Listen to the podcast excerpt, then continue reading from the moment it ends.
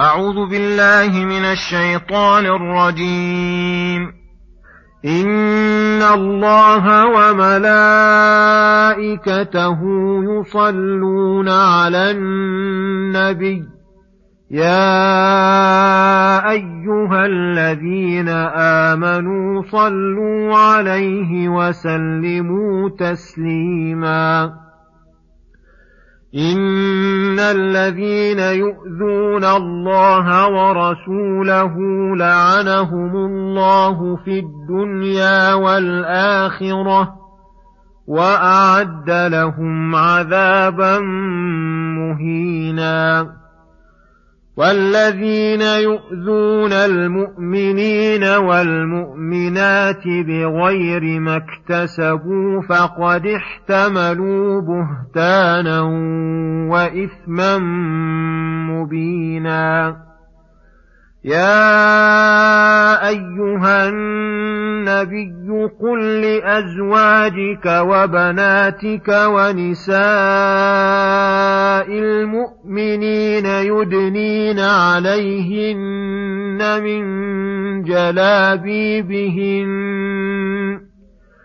ذلك ادنى ان يعرفن فلا يؤذين وكان الله غفورا رحيما. لئن لم ينته المنافقون والذين في قلوبهم مرض والمرجفون. والمرجفون في المدينة لنغرينك بهم ثم لا يجاورونك فيها إلا قليلا. ملعونين أينما ثقفوا أخذوا وقتلوا تقتيلاً. سنة الله في الذين خلوا من قبل ولن تجد لسنة الله تبديلا بسم الله الرحمن الرحيم. السلام عليكم ورحمة الله وبركاته.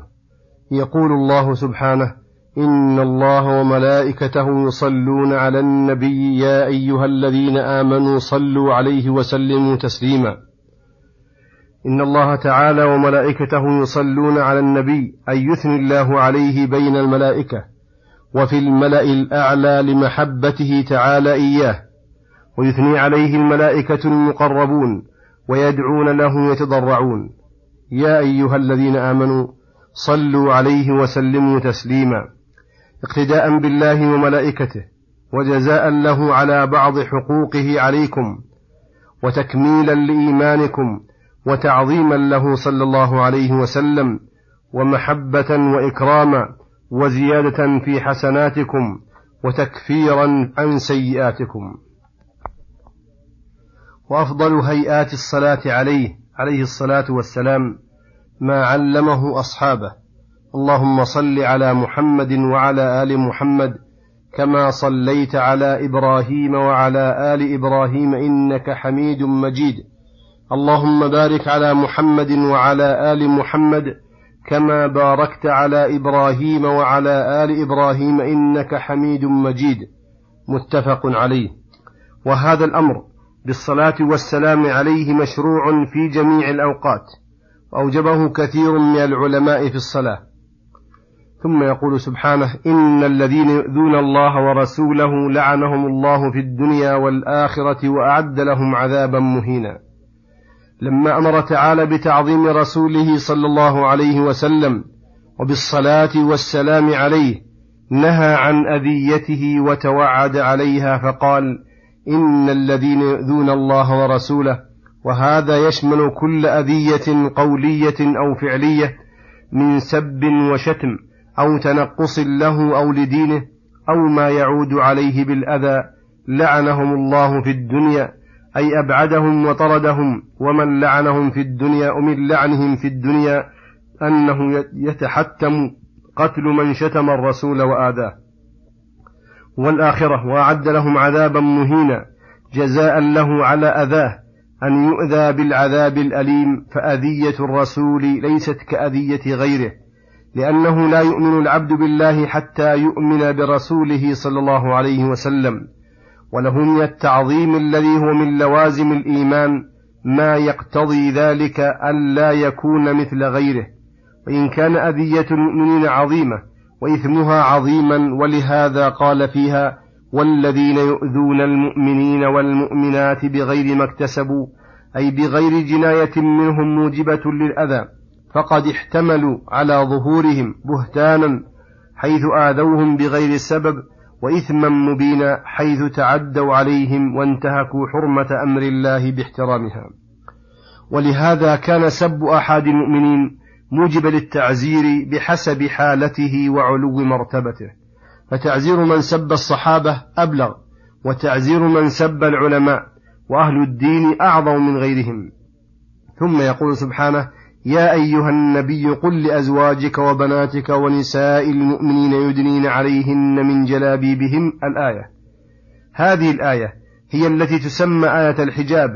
فأمر الله نبيه أن يأمر النساء عموما ويبدأ بزوجاته وبناته لأنهن آكد من غيرهن ولأن الأمر لغيره ينبغي أن يبدأ بأهله قبل غيرهم كما قال تعالى يا أيها الذين آمنوا قوا أنفسكم وأهليكم نارا.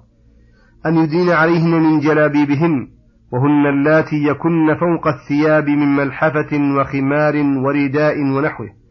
أن يغطين بها وجوههن وصدورهن. ثم ذكر حكمة ذلك فقال ذلك أدنى أن يعرفن فلا يؤذين. دل على وجود أذية إن لم يحتجبن. وذلك لأنهن إذا لم يحتجبن ربما ظن أنهن غير عفيفات فيتعرض لهن من في قلبه مرض فيؤذيهن وربما استهين بهن وظن أنهن إماء فتهاون بهن من يريد الشر فالاحتجاب حاسم لمطامع الطامعين فيهن. وكان الله غفورا رحيما حيث غفر لكم ما سلف ورحمكم بأن بين لكم الأحكام وأوضح الحلال والحرام فهذا سد للباب من جهتين. وأما من جهة أهل الشر فقد توعدهم بقوله لئن لم ينته المنافقون والذين في قلوبهم مرض أي مرض شك أو شهوة والمرجفون في المدينة أي المخوفون المرهبون الأعداء المتحدثون بكثرتهم وقوتهم وضعف المسلمين. ولم يذكر المعمول الذي ينته الذي ينتهون عنه ليعم ذلك كل ما توحي به أنفسهم إليه وتوسوس به وتدعو إليه من الشر من التعريض بسب الإسلام وأهله والإرجاف بالمسلمين وتوهين قواهم والتعرض للمؤمنات بالسوء والفاحشة. وغير ذلك من المعاصي الصادرة من أمثال هؤلاء لنغرينك بهم أي نأمرك بعقوبتهم وقتالهم ونسلطك عليهم. ثم إذا فعلنا ذلك لا طاقة لهم بك وليس لهم قوة ولا امتناع. ولهذا قال ثم لا يجاورونك فيها إلا قليلا. أي لا يجاورونك في المدينة إلا قليلا بأن تقتلهم أو تنفيهم. وهذا فيه دليل لنفي أهل الشر. الذين يتضرر بإقامتهم بين أظهر, بين أظهر المسلمين. فإن ذلك أحسن للشر وأبعد منه ويكونون ملعونين أينما ثقفوا أخذوا وقتلوا تقتيلا. أي مبعدين حيث وجدوا لا يحصل لهم أمن ولا يقر لهم قرار يخشون أن يقتلوا أن يحبسوا أو يعاقبوا. سنة الله في الذين خلوا من قبل أن من تمادى في العصيان وتجرأ على الأذى ولم ينته منه فإنه يعاقب عقوبة بلغة ولن تجد لسنة الله تبديلا أي تغييرا بل سنته تعالى وعادته جارية مع الأسباب المقتضية لمسبباتها. وصلى الله وسلم على نبينا محمد وعلى آله وصحبه أجمعين. وإلى الحلقة القادمة غدا إن شاء الله. والسلام عليكم ورحمة الله وبركاته.